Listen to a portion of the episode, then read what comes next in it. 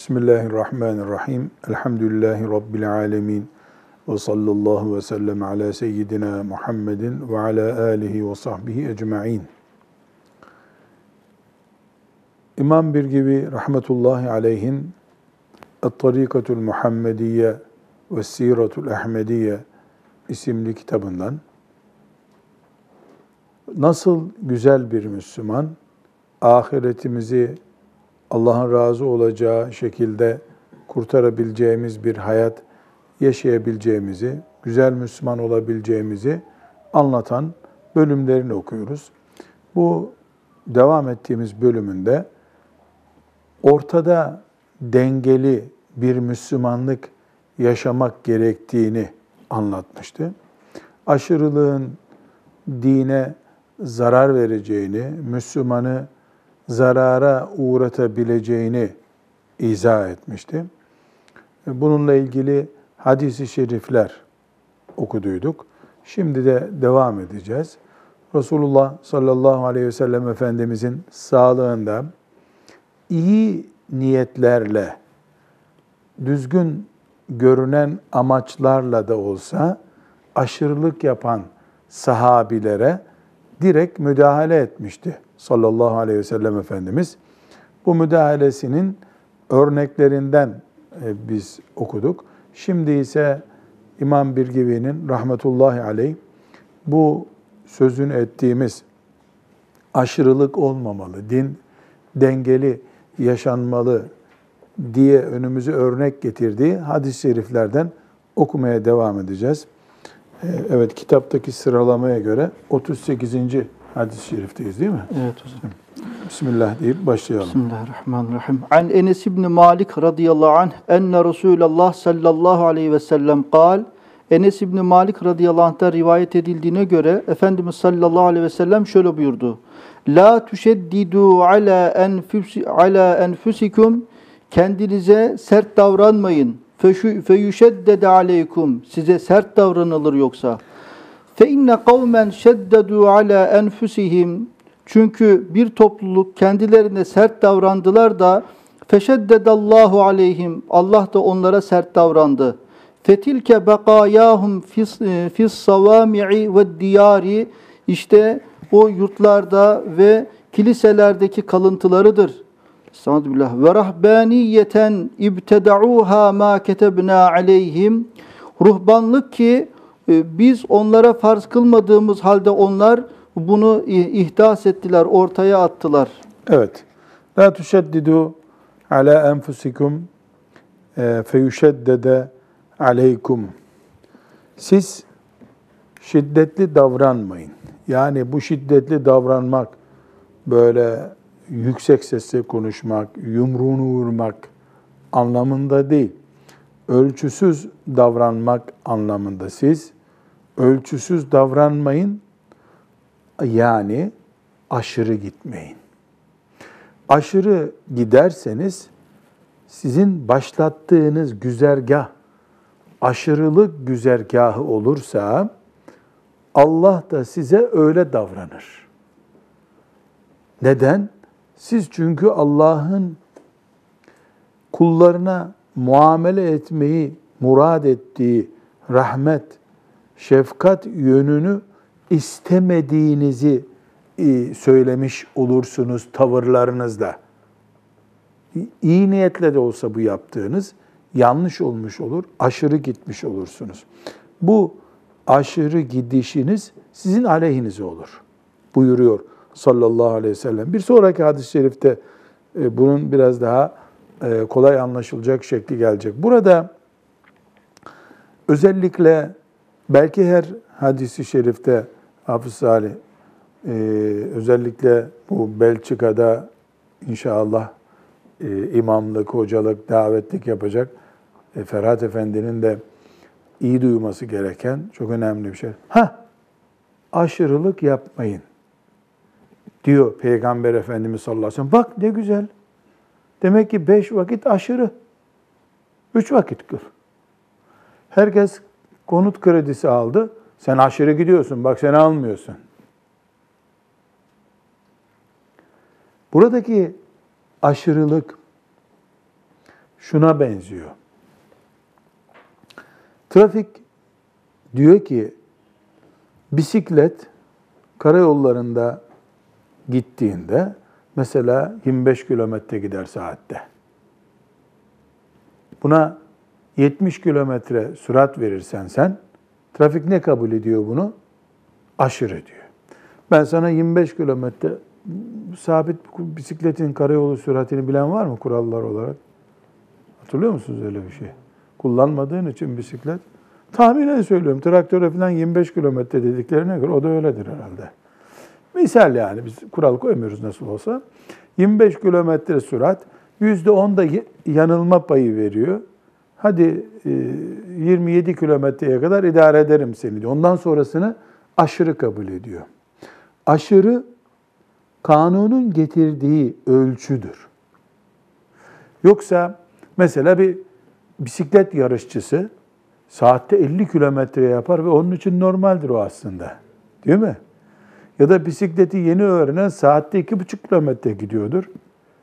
Bu her ikisi de aşırı onlara göre değildir.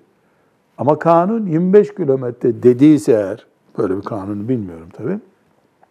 Bu senin ayak hareketin daha güçlü diye senin için normal olmaz 50 kilometresi.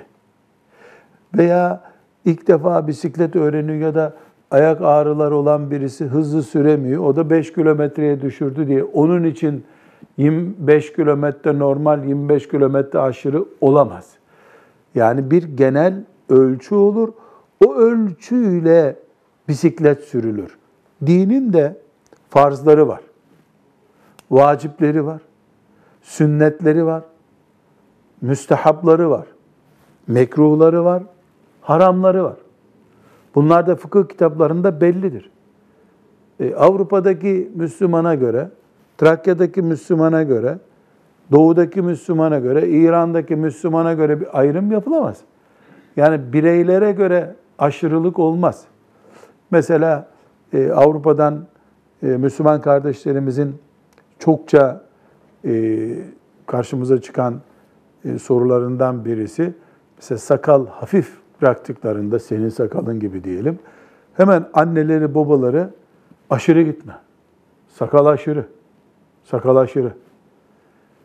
Ya Resulullah sallallahu aleyhi ve sellemin sünnetinden sakal aşırı olur mu hiç?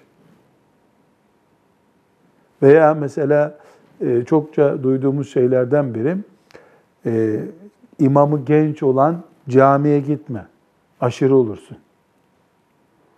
İşte mesela Diyanetin ve devletin kabul ettiği bir ortalama camiye git, normal olur gibi düşünceler. Ya sakal Resulullah sallallahu aleyhi ve sellemin sünnetidir. Bu aşırı olmaz. Ama şu olabilir mesela, e, bir Müslüman e, sakalını filanca terörle itham edilen bir lider vardır. Diyelim örnek veriyorum. O, o liderin sakalı mesela şuralardan şöyle kesilmiş, böyle ayarlanmıştır. Özellikle sakalını o şekilde bırakıp o lider gördüğünü taklit ettiğine dair bir imaj oluşturuyor. E buna aşırı denebilir. Yani bu bir aşırılık. Doğru, bu bir aşırılık. Ama doğal olan, e, sünnete uygun olan, fıkıh kitaplarının farz, vacip, sünnet, müstehap dediği e, kategorinin içerisinde kalan şeyler için aşırı kelimesi aşırılıktır. Böyle ölçüm yapılırsa o zaman kimin keyfi bozuluyorsa o aşırı diyecek ve din kalmaz ortada. Değil mi? O zaman dinin senin faiz hoşuna gitmedi, faiz almamak aşırılıktır. Öbürünün zekat hoşuna gitmedi, zekat vermek aşırılıktır. Herkes bir şey bulur. Herkese göre din demek aman Allah'ım onun sonu gelmez. Bu sebeple mesela farzlar konusunda tavizsiz, haramlar konusunda tavizsiz, vacipler konusunda tavizsiz ama şu olabilir Ferhat Hoca mesela Avrupa için bunu konuşalım. Şimdi e, filan konuda Belçika hükümeti sizi diretti. Yani bunu terör sayıyorum dedi. Bunu soruşturma konusu sayıyorum dedi. E, mesela ne yaptı? Size cuma namazına gitmeyeceksiniz dedi. E, biz el insaf Müslümanız. Cuma namazımızla oynatamayız. Cuma namazı yok. Ama tuttu mesela sarık sarmayacaksınız dedi. Sarık Suriye'deki teröristlere benziyor dedi. Ve sarıklı gördüğü gençleri de alıp soruşturmaya koydu. Burada ne yapacağız? Sarık farz mı? Hayır. Vacip mi? Hayır. Sarıksız dolaşmak haram mı? Hayır. Oradaki Müslümanların can emniyetlerini, mal emniyetlerini, bir devletin terörist listesinde olma riskini dikkate alıp yahu bu sarık hiç olmasın evimizde namaz kılarken sararız madem ki dışarıda sardırtırılmıyor diye feragat edebilecekleri bir şeydir. Burada sarık diye diretmek bir aşırılık olur o zaman. Çünkü Resulullah sallallahu aleyhi ve sellemin sarığı kullandığı yüzde yüz sabittir. Çok net bir şekilde sahih hadis-i şeriflerde sarık var. Sarığı herhangi bir şekilde kullanın şeklinde anlaşılacak talimatı da var. Ama mesela misvak kullanmayı emreden hadisi şerif daha sarihtir. Yani daha net anlaşılıyor ve direkt emir olmak bakımından daha açıktır. Ne buyuruyor? Sarık ve misvak karşılaştırıyoruz şimdi. Misvak için ne buyuruyor? Yani ümmetimin zorluğa gireceğini bilmesem misvak kullanmadan namaz olmaz diyecektim diyor ve bu net bilgilerle elimizde şu anda. Ee, bizzat kendisinin kullandığına dair de bilgi var. Bütün mezhep imamları, alimler, e, misvahı Resulullah sallallahu aleyhi ve sellemin sabit sünneti olarak görmüşler. Bir tane alim önemli değil dememiştir mesela. Niye? Çok net anlaşılıyor. Bunun tartışılacak bir tarafı yok. Sarığa gelince bu Resulullah sallallahu aleyhi ve sellemin sünneti olarak sabit olduğu belli bir şey. Ama sarık sarmayan Müslüman benden değildir diye bir talimatı da yok.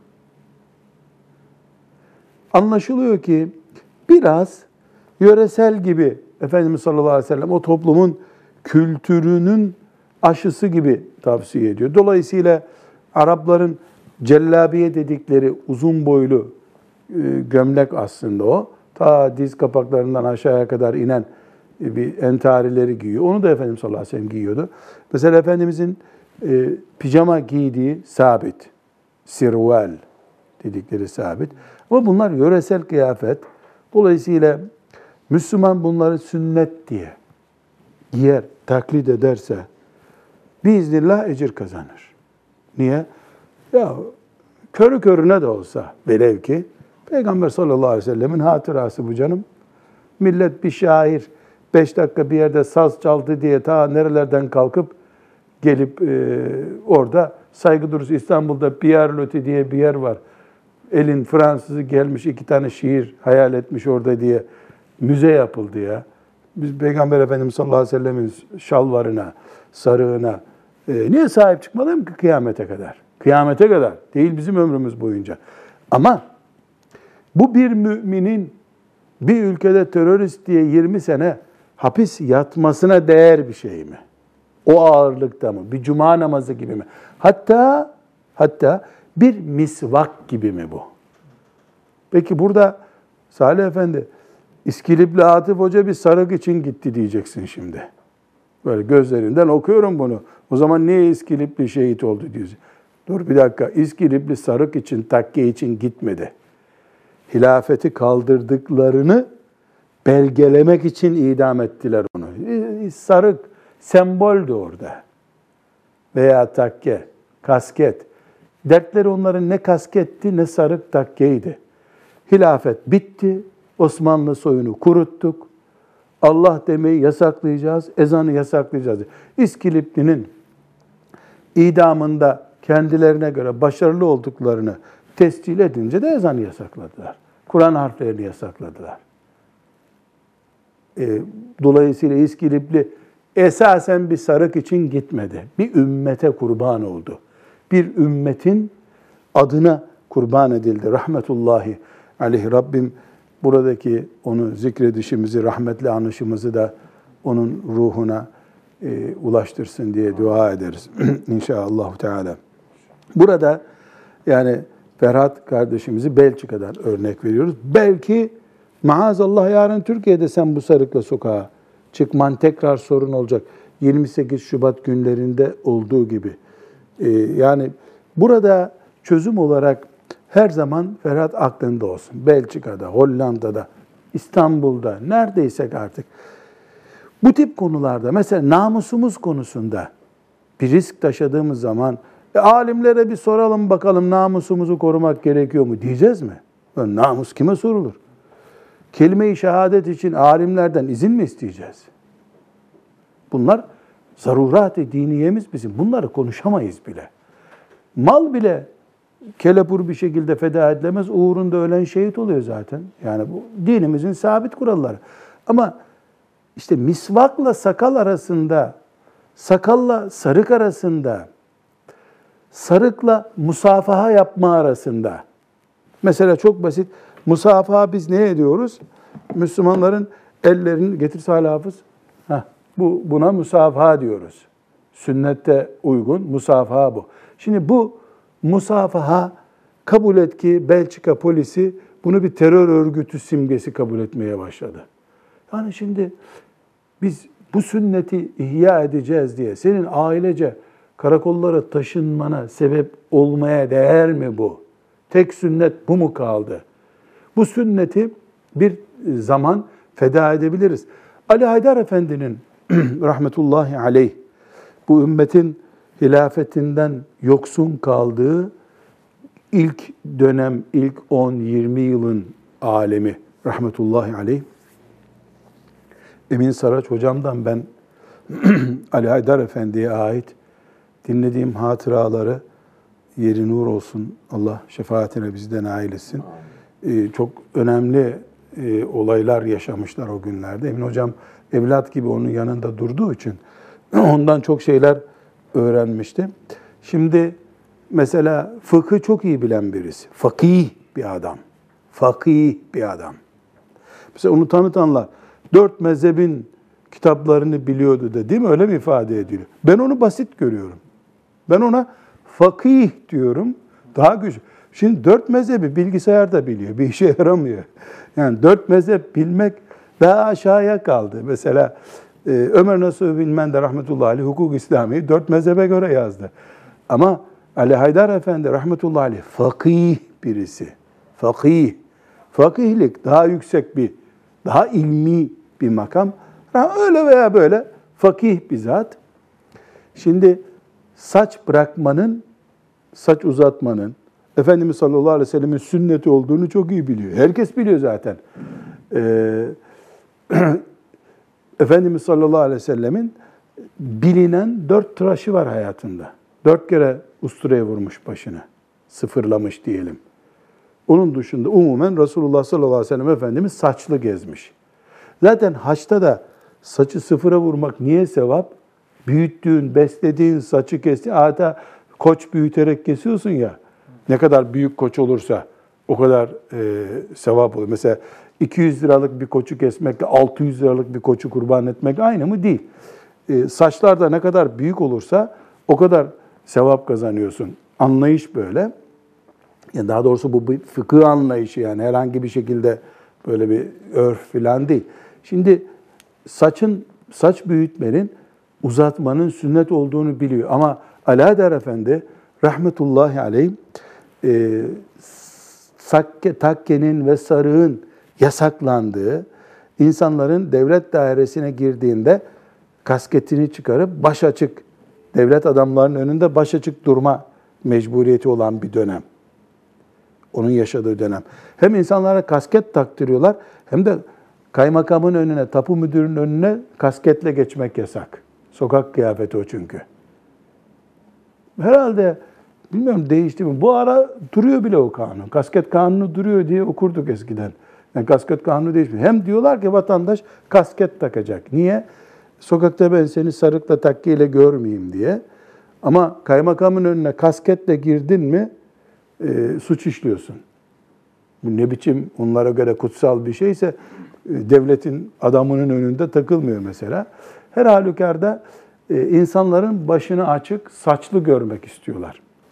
Şimdi Alaeddin Efendi rahmetullahi aleyh başı sıfıra vurdurma sünnetini canlı tutuyor bu sefer. Esasen saç uzatmak sünnettir. Niye e, saçın uzatılması sünnet olduğu halde talebelerine, müridanına sıfıra vurun başınızı diyor. Kendisi de öyle dolaşıyor. Bari, bari onların istediği gibi görünmesin başımız bizim. Ve bu orada da bir sünneti diyor. Ortada bir bid'at var. Resulullah sallallahu aleyhi ve sellemin sarığı ve takkesine müdahale edilmiş. O bid'ati işlemektense sünneti terk ederim diyor. İşte fakih budur. Fakih budur. Basit bir alim değil. Fakih adam. Bid'ate bulaşmaktansa bu e, Cumhuriyet yıllarında başlatılan Resulullah sallallahu aleyhi ve selleme aittir diye takke ve sarığa karşı direniş ve bir hilafet dönemini, halifeli Müslümanlar dönemini sonlandırdıklarını simgelemek için Rus çiftçilerinden aldıkları kasketi insanların başına koyuyorlar. Herkesin saçı uzasın diyorlar. Sadece okul talebelerine başını kestiriyorlar. Reşit olmadıkları anlaşılsın diye, bitlenmesin başları diye ya da artık ne düşündülerse. Fakih bir insan ne yapıyor?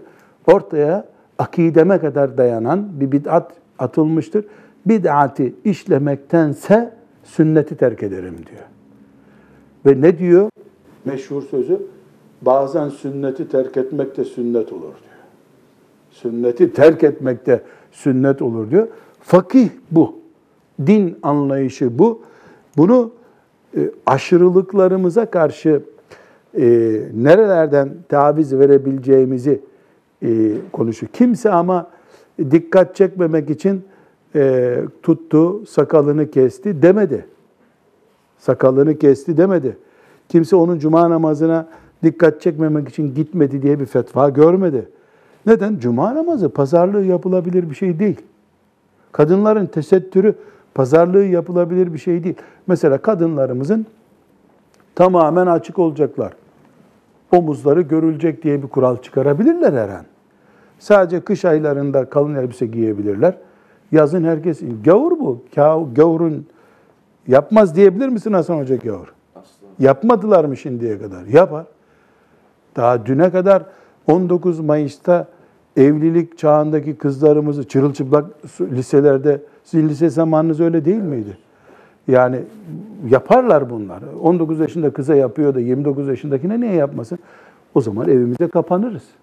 6 ay çıkmayız evimizden. Sadece kış aylarında eğer öyle bir şey olursa çıkarız dışarı. Ama burada çözüm bütün dünya Müslümanları için Allahu Teala e, bir konuda sıkıntıya düştüğünüz zaman onu Allah'a ve peygamberine götürün diyor değil mi?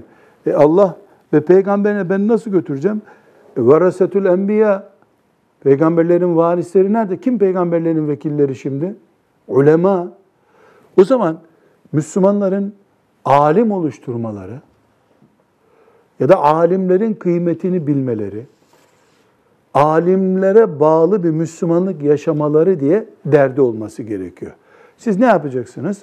Belçika'daki Müslümanlar olarak dernekler, vakıflar, etnik yapıya göre kurulmuş dernekler hepsinin üstünde bir ulema konseyi oluşturacaksınız. Bulunacak. Elhamdülillah böyle bir çalışma var. Özellikle Yusuf Karadavi'nin Allah ondan razı olsun yaptığı en iyi işlerden biri Avrupa'daki Müslümanlar için bir fetva konseyi oluşturdu. E onu ben sana internet sitesinde göstermiştim bir ara zannediyorum. E o da güzel, canlı, aktif fetvalar da. Onlar kitaplaştırdılar o fetvalarını. Ben e, tamamına yakınını okudum fetvalarının. Gerçekten e, zaruret ne kadardır onu kullanıyorlar. Zaruretten ötesini aşmıyorlar. Ama zaruret ölçülerini iyi kullanıyor. Burası Avrupa. Bunda yüz defa fetva versek de yapacak bir şeyimiz yok bizim. Müslümanı dininden soğutacağız durup dururken. Müslümanı dininden soğutmaktansa oturalım. Caizi ne kadar görüyor şeriat diyelim. Eğer oradaki ulema size derse ki e, burada sarık sarmayacaksınız, takkiyeli sokağa çıkmayacaksınız, sakalınızı da mesela iki santimden fazla uzatmayacaksınız. Sizin dininiz odur o zaman. Onun dışında bir ulema kararı olmadan e, herkese göre aşırı farklı bir şey. 10 saat uyuyan bile e, anca uyudum der. E, halbuki 3 saati fazla onun. Caiz değil uyudu. Zevkimizi, dinimizi karşılaştırıp e, dinimizi zevkimize ezdirmektense alimlerimizi önümüze geçiririz. Alimlerimiz bize burada bu fetva ile hareket edebilirsiniz dediği zaman biiznillahü teala hiçbir mesuliyetimiz kalmaz bizim. Ondan sonra Allah gafurur rahimdir der, rahat edin. Hangi hadisi şeriften yola çıktık? Efendimiz sallallahu aleyhi ve sellem aşırı gitmeyin. Aşırı giderseniz Allah da size öyle muamele eder. Önceki ümmetler böyle yaptılar. Kendi kendilerine bir şeyler yaptılar. Şimdi bakın kiliseleri, e, enkaz altında kalmış toprakları işaret olarak onları gösteriyor. Niye helak oldular? Aşırı gittiler. Allah'ın rahmetinden uzak kaldılar. Evet, öbür hadis-i şerife geçelim. Anin an Ebi Hureyre radıyallahu anh anin Nebi sallallahu aleyhi ve sellem kal Ebu Hureyre radıyallahu anh'tan rivayet edildiğine göre Efendimiz sallallahu aleyhi ve sellem şöyle buyurdu. İnne dine yusrun ve len yuşadded dine ahadun illa galebahu. Din kolaydır. Dini Din kolaydır. Bu cümleyi unutmuyoruz. Din kolaydır.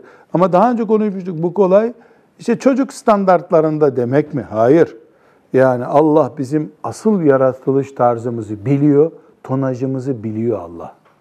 Biz istediğimiz kadar yorulduk, terledik, bunal. Ya bizi yaratan bilmiyor mu biz kaç kilo kaldırırız? Kapasitemizi Allah biliyor.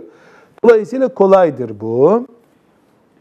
وَلَنْ يُشَادَّ dine ehadun illa galebehu. Dinle sürtüşen mağlup olur. Bunu unut, bunun altını çiziyoruz. وَلَنْ يُشَادَّ dine ehadun illa galebehu din. Kim dinle yarışmaya kalkarsa, yani kolay olan dini zorlaştırmaya kalkarsa kendi kendine, burada bir örnek verelim. Şimdi Müslüman bir aile, anne baba, e, Resulullah sallallahu aleyhi ve sellem Efendimizin 7 yaşından itibaren çocukları namaza alıştırın. 10 yaşından itibaren cezalandırın, kılsınlar şeklinde bir uyarısı var. 7, 8, 9, 10. 4 sene uğraşın bu iş için diyor. Demek ki 4 sene uğraşılırsa Allah'ın izniyle bu kolaydır. İnne dine yusrun, din kolaydırdan anlaşılıyor. Ama anne baba kalkar da 8 yaşında çocuğu falakaya yatırırsa, ben seni sabah namazına kaldırdım kalkmadın diye.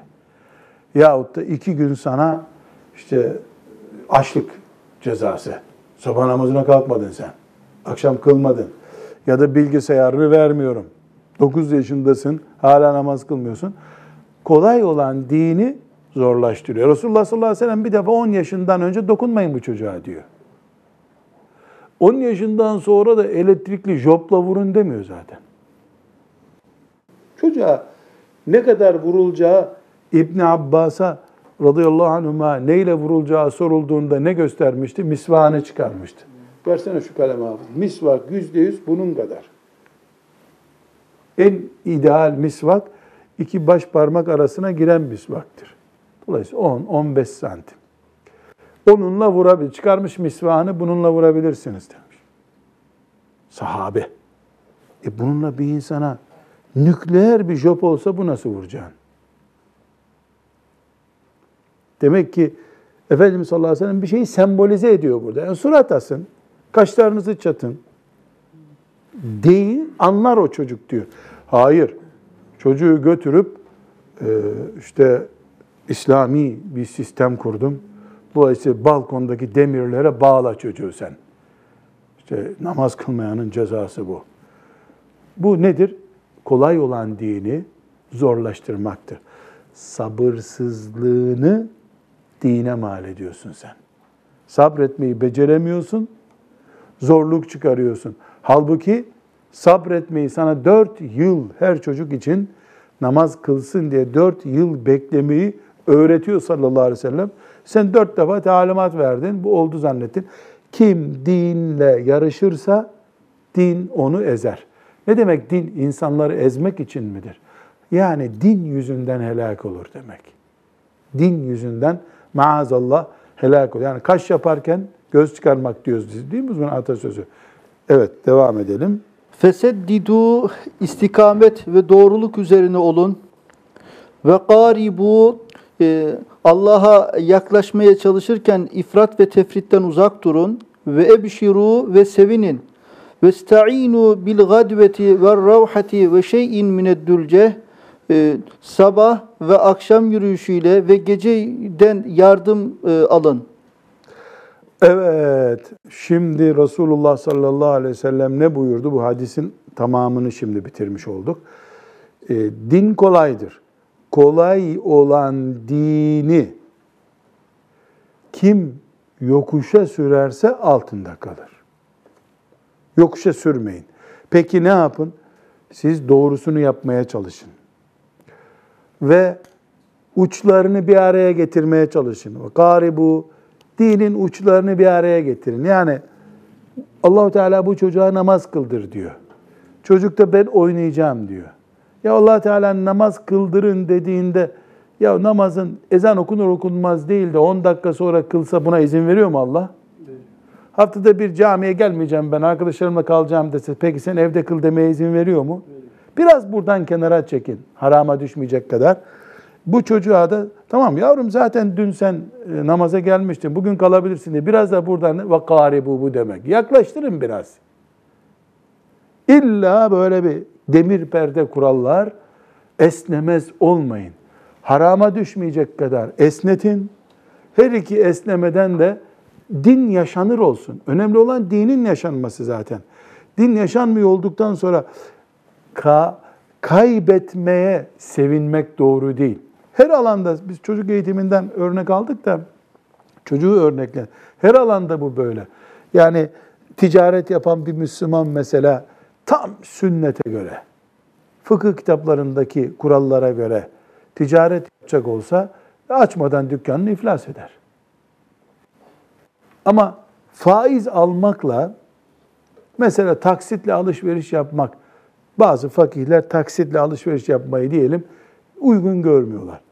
Post cihazı kullanmayı şimdiki ticarette şüpheli ve tereddütlü görüyor. Ya onunla bankadan kredi alıp krediyle iş yeri açmak aynı değil ki. Seddidu ve bu. Yani o zaman direkt haram olmayan mekruh olanlarla yetinsen biraz ticareti buradan geliştir. E mesela çek hep risk taşıyor. E çek kullanma, senet kullan.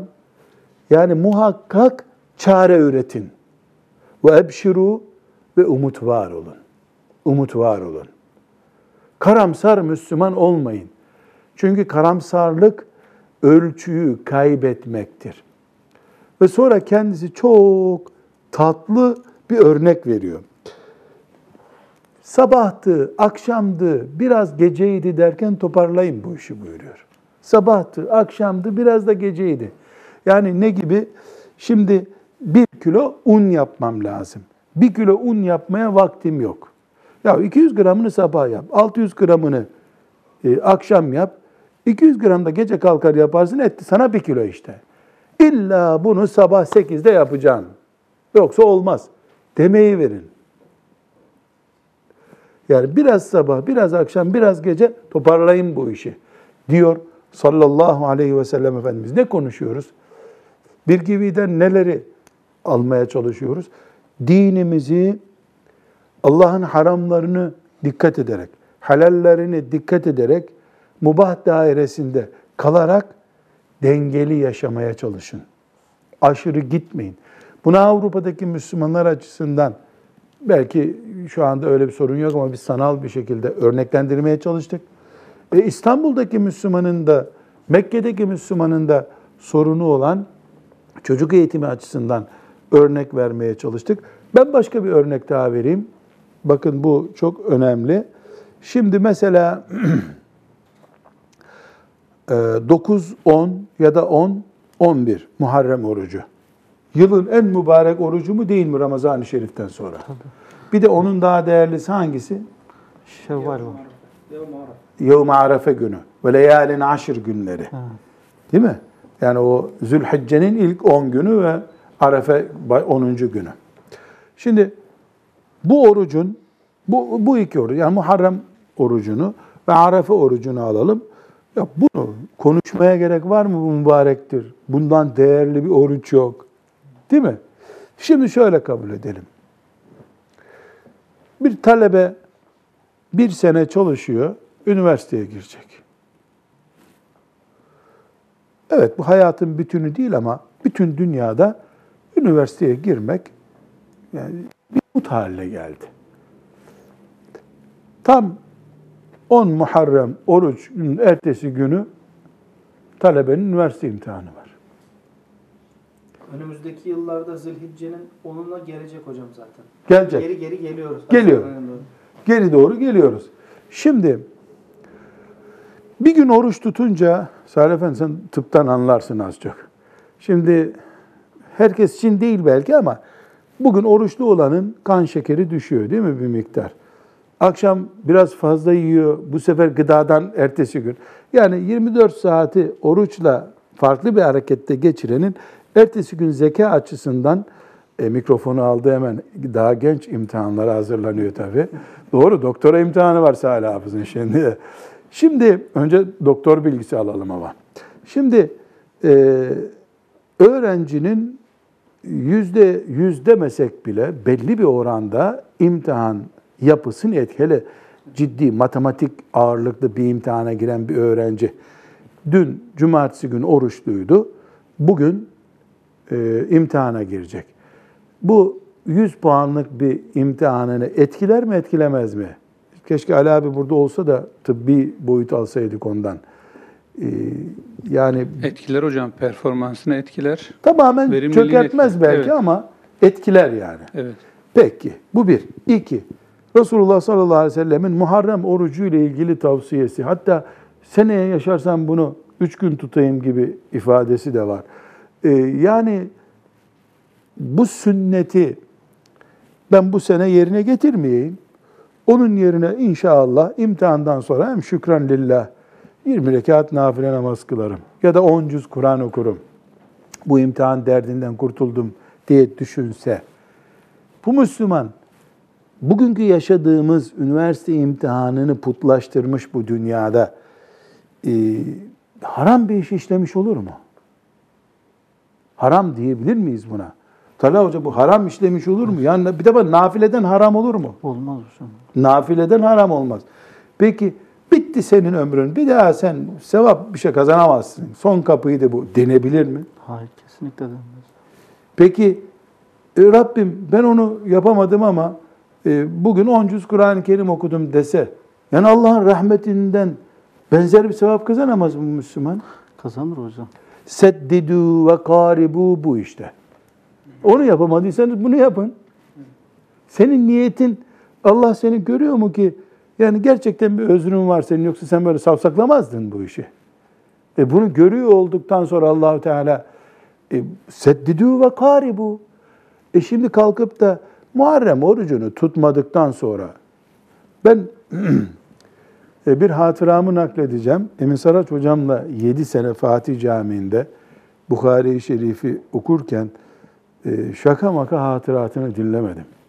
Bazen bizi topluca bir yere çağırıyorlardı. Bir gün e, bir akşam yemeğine çağrıldık. Bukhari ekibi olarak. E, hocam o zaman iyiydi, sağa sola gidiyordu. Beraber gittik. Benim de arabam yeniydi, ben götürdüm hocamı. E, orada akşam namazını kıldık. E, bir de ya böyle Muharrem gibi bir oruç günümüzdü, bir kandil akşamı mıydı? Hepimiz oruçluyduk. Oruçluyduk. Ev sahibimiz, çok dikkat ediniz. Ee, namazı kıldık, akşam namazını, sofra orada, yemekler kokuyor. Hatta biz kılarken ev halkı e, safların arkasından yemekleri taşıdılar. İftar ettik ama yani hurmalarımızı yedik. Ramazan değil. E, ondan sonra e, kalktık mis gibi sofra dolu. Ondan sonra ev sahibi, ev, bizi çağıran adam evvabin namazına durdu. Şimdi Emin Hocam da ona taltif etmek için çok tatlı bir hatıra. Bir alime ait bir hatıra naklediyorum. O ev sahibine taklit etmek için sünneti kılar kılmaz biz işte tesbihatı çekince hadi bakalım e, zaten acıkmıştık falan deyip sofraya doğru yürüdü. Ev sahibi aksi istikamette döndü kıbleye evvabin kılıyor. Hocam çaktırmadan oradaki koltuğa oturdu. Bozuntuya vermedi. Ben de yanına oturdum. Ee, başka bir konu açmaya çalıştım. Ama o kadar bariz anlaş ev sahibinin bir kastı yok ama. Hocamın oraya doğru yöneldiğini görmedi o. Belki de hocam da kalktı. Arkada evvabin kılacak. Yani safları değiştirmek var ya nafile. Evvabin kılacak zannetti. Neyse oturduk. Kulağıma eğildi dedi ki Hafız Nurattin dedi. Evvabinin sünnet olduğunda hiçbir ihtilaf yok. Ama bu sahne sünnete uygun değil dedi. Bu sahne sünnete uygun değil dedi. Farkı anlatabildik mi? Anladım. Evvela misafire ikram evvabilden aşağı kalır bir şey değil. Değil mi? Evet. Men, men kâne yu'minu billahi vel yevmil ahire fel yukrim dayfahu. Yani o evvabinden daha güçlü duruyor. Evvabin kesinlikle sahih bir sünnet ama o pozisyonda taktik hatası var. Bizden sonra da kılabilirdi evvabini. E, e, hocam yani İstanbul'da Osmanlı'nın son alemi. Muadili yok. E, velev ki cahil olsun önemli değil yani Müslümanın e, pozisyonu. Bir ikincisi oruçluyuz. Üçüncüsü sahih hadisi şerif var. Bu sahih hadisi şerifte yemek hazırken farz namazı bile erteleyin diyor. Efendimiz sallallahu aleyhi ve sellem yemek hazırken yani farzı bile ertelemeyi teşvik eden hadis-i şerif var değil mi? Evet. Yani yemek kokusu burnuna geliyor ve sen de açsın. Önce yiyin. Ee, sonra namaz. Sünnet böyle. Şimdi seddidu ve karibu. Toparlayın, yapıştırın, birleştirin sünnetine uymuyor. Biz orada hissettirmedik. Ama hocam o namazı kılana kadar hayatı düzgün anlamanın gerektiğini iyice anlattı. İyice anlattı. Allah hocama ömürler versin, sıhhat ve afiyetini daim etsin. Ee, ben onu not ettim. Yani çünkü o bahsettiğimiz arkadaş da ilahiyat mezunu. Ee, muhterem, ya şey değil, böyle e, Türkçe kitaplardan okuyan birisi değildi. Ben sonra o konuyu bir daha açmadı hocam tabii. Yani ona da bir şey demedi. Ee, yani başka bir latifeyle sofraya oturduk. O da zannediyorum dört rekat kılmadı. Onu iyi hatırlamıyorum ama iki rekat kılıp herhalde o da hocam buyur sofraya falan dedi. o sofraya oturduk. Ee, bu sahne e, bir defa art niyet yok burada. Dolayısıyla bir haram işlenmiyor. Tercih hatası var. En büyük tercih hatası sen İstanbul'un saygın bir alemini çağırıyorsun. Bir defa sen onun emrinde olman lazım. Her ne kadar ev senin evinse de hocam ne yapalım, nasıl edelim deyi olman lazım senin bir. Birinci taktik hatası bu. Yani önemli ile öncelikli arasının ayrı- ayırt edilmesi gerekiyor. Bir, çok güzel. İki, e, yani buradaki sünnet e, evvela yemek yiyip sonra namaz kılmaktı. Biz iftar ettik iki hurmayla. O da iyi oldu. Evin halkı getirip sofrayı donattılar o arada. E, çok da mükemmel bir ikram hazırladılar hocam orada. Deptebeli bir ikram hazırladılar. Hatta çok iyi hatırlıyorum hocam e, yani kırılmadığını hissettirmek için e, döndü bana dedi ki Hafız Nurattin dedi bu yemekler çok oldu yarın bir daha gelelim buraya filan dedi. Yani ev sahibine böyle bir kırılmadık biz hissetmedik bunu hissettirdi. E, Allah razı olsun hocam ev sahibine hiçbir şey hissettirmedi orada. Sadece içindekini bana söyledi. Yani bu bu sünnete uygun değil dedi. Biz 5-6 hafızdık üstelik orada. Ben o hafızlardan birisiydim. Yani 5-6 tane hafızdık biz. Hocamız da başımızda. işte Bukhari talebeleri. Bir akşam yemeğe gitmiştik. Ama her halükarda niyetlerde bir sıkıntı olmadığı için bundan haram işlendi demedik. E, Ama ertesi gün bizi bir daha iftara çağırsaydı e, gitmezdik. Bir miktar yani adab-ı muaşeret sıkıntısı gibi gördük onu. Ben o gün sanki Emin Hocam evvabin kılmaz bir adam görüntüsüne düştüğü için üzülmüştüm. Hadi biz neyse zaten çaylak orada bir varlığımız yok. İrab'da mahalli yok denir ya bizim zaten. İrab'da mahallemiz yoktu ama hocam e, evvabin namazını önemsemez bir adam durumuna düştü. E, o da e, avamdan olduğu halde oradaki görüntüde avamdan birisi olarak o muhteşem bir sünnet e, tiryakisi oldu. Hayır. Seddu ve karibu. Seddidu ve karibu. Derleyin, toparlayın, yaklaştırmaya çalışın. Bu imtihan örneğimizden Hafız Salih senin imtihanlardan yeni çıkıyor. Hala doktora imtihanındasın sen. Var mı bir ilave Ee, yok hocam biz e, Ramazan aylarında e, yani dikkat ederseniz sizin de zaten tavsiyenizle talebeleri izne gönderiyoruz. Ha- özellikle hafızlık yapan talebelerde.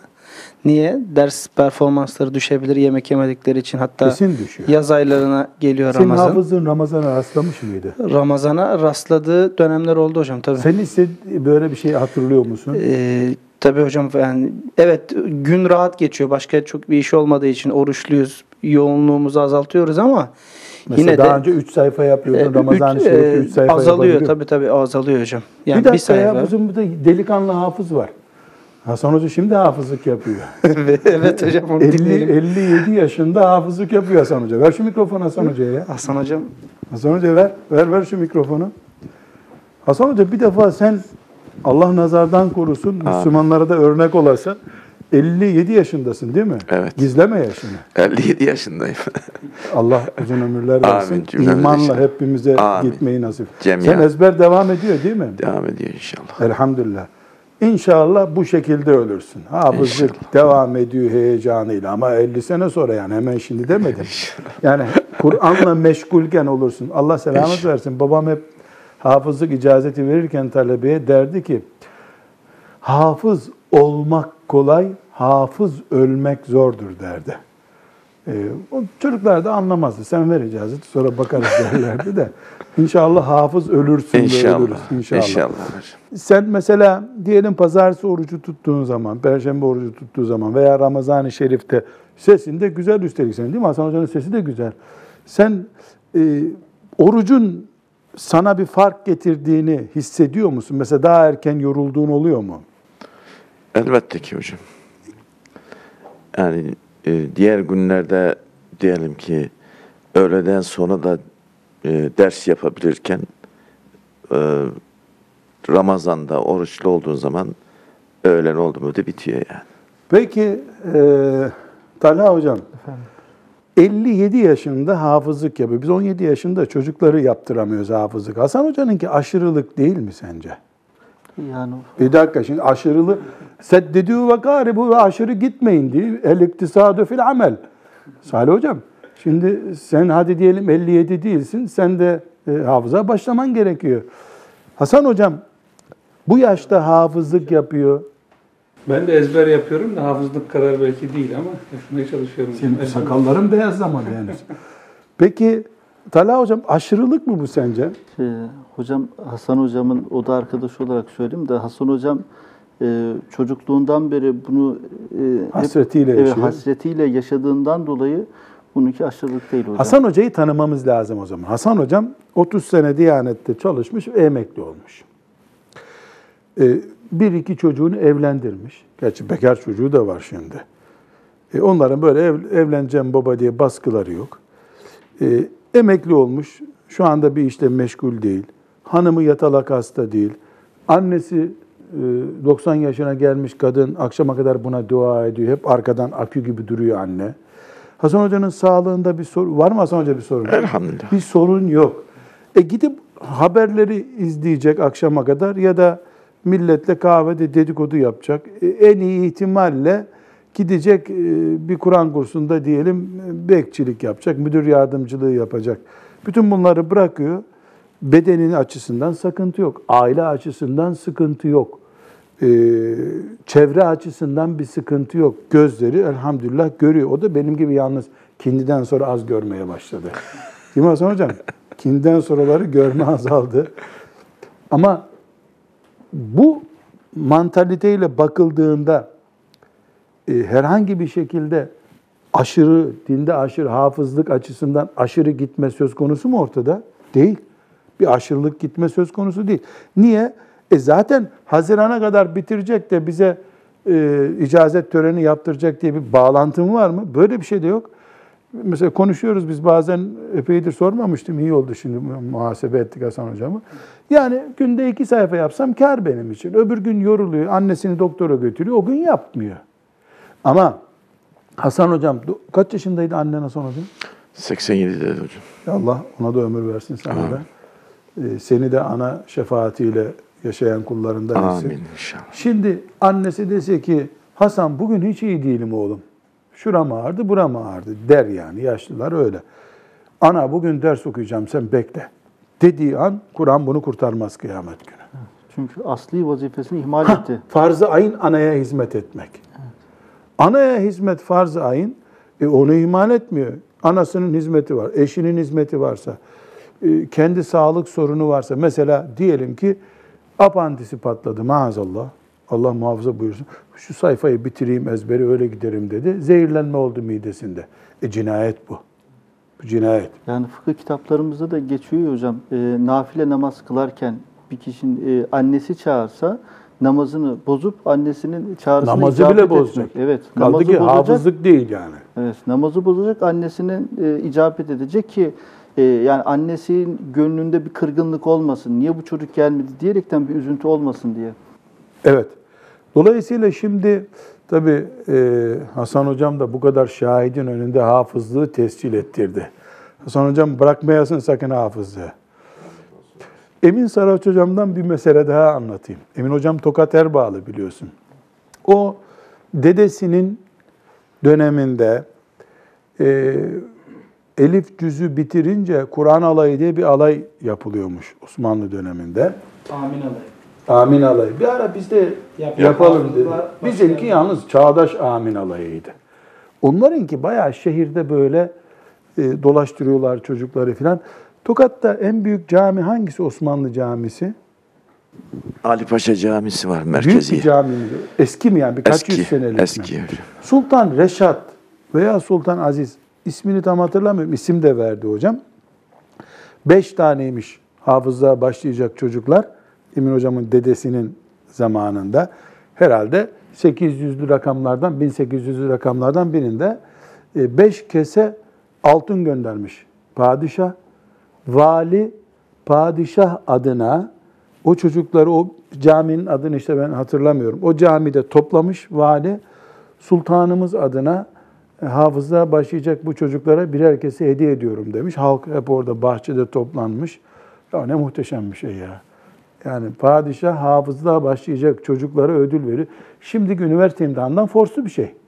Yani o kıyamet günü de forslu bir şey. Hem padişah için hem e, çocuk için Allah Kur'an'ımıza bu saygıyı gösterenlere rahmet etsin. Şimdi padişah falan yok. Ee, Hasan hocam ise hafızlığına karar verdi. Hasan hocam sen bitireceksin bu hafızlığı inşallah. İnşallah hocam. Bitirince de keseyi sen bize verirsin bu yaşta. Ee, sana nasip, sana nasip oldu diye. Elhamdülillah. Hasan hocama da melekler de şahit olsun. Bu yaş demek hafızlığın yaşı olmuyor. Rabbim Kur'an'ına hizmet ederek, Kur'an'ını e, rehber edinerek yaşamayı hepimize nasip etsin. Ee, Üstad sen bir hadis-i şerif daha oku. Üç hadis-i şerif oku, okumuş olalım. An İbn. Abbas radıyallahu anhuma ennehu kal e, Abdullah İbn Abbas radıyallahu anhuma'dan rivayet edildiğine göre şöyle dedi. Kâle Resulullah sallallahu aleyhi ve sellem İnnallâhe yuhibbu yuhibbu en tu'ta ruhasuhu kema yuhibbu en tu'ta azaimuhu Allah azimetlerin yerine getirilmesini e, yet- getirilmesinden hoşlandığı gibi ruhsatların da yerine getirilmesinden Bunu Türkçe hoşlanır. oku Talha hocam. Türkçesi şu. Allah emirlerinin yapılmasından razı olduğu gibi izin verdiği zaman iznin kullanılmasından da razı olur. Yani Allah e, oruç tutun diye emrediyor. Hastaya da ne buyuruyor?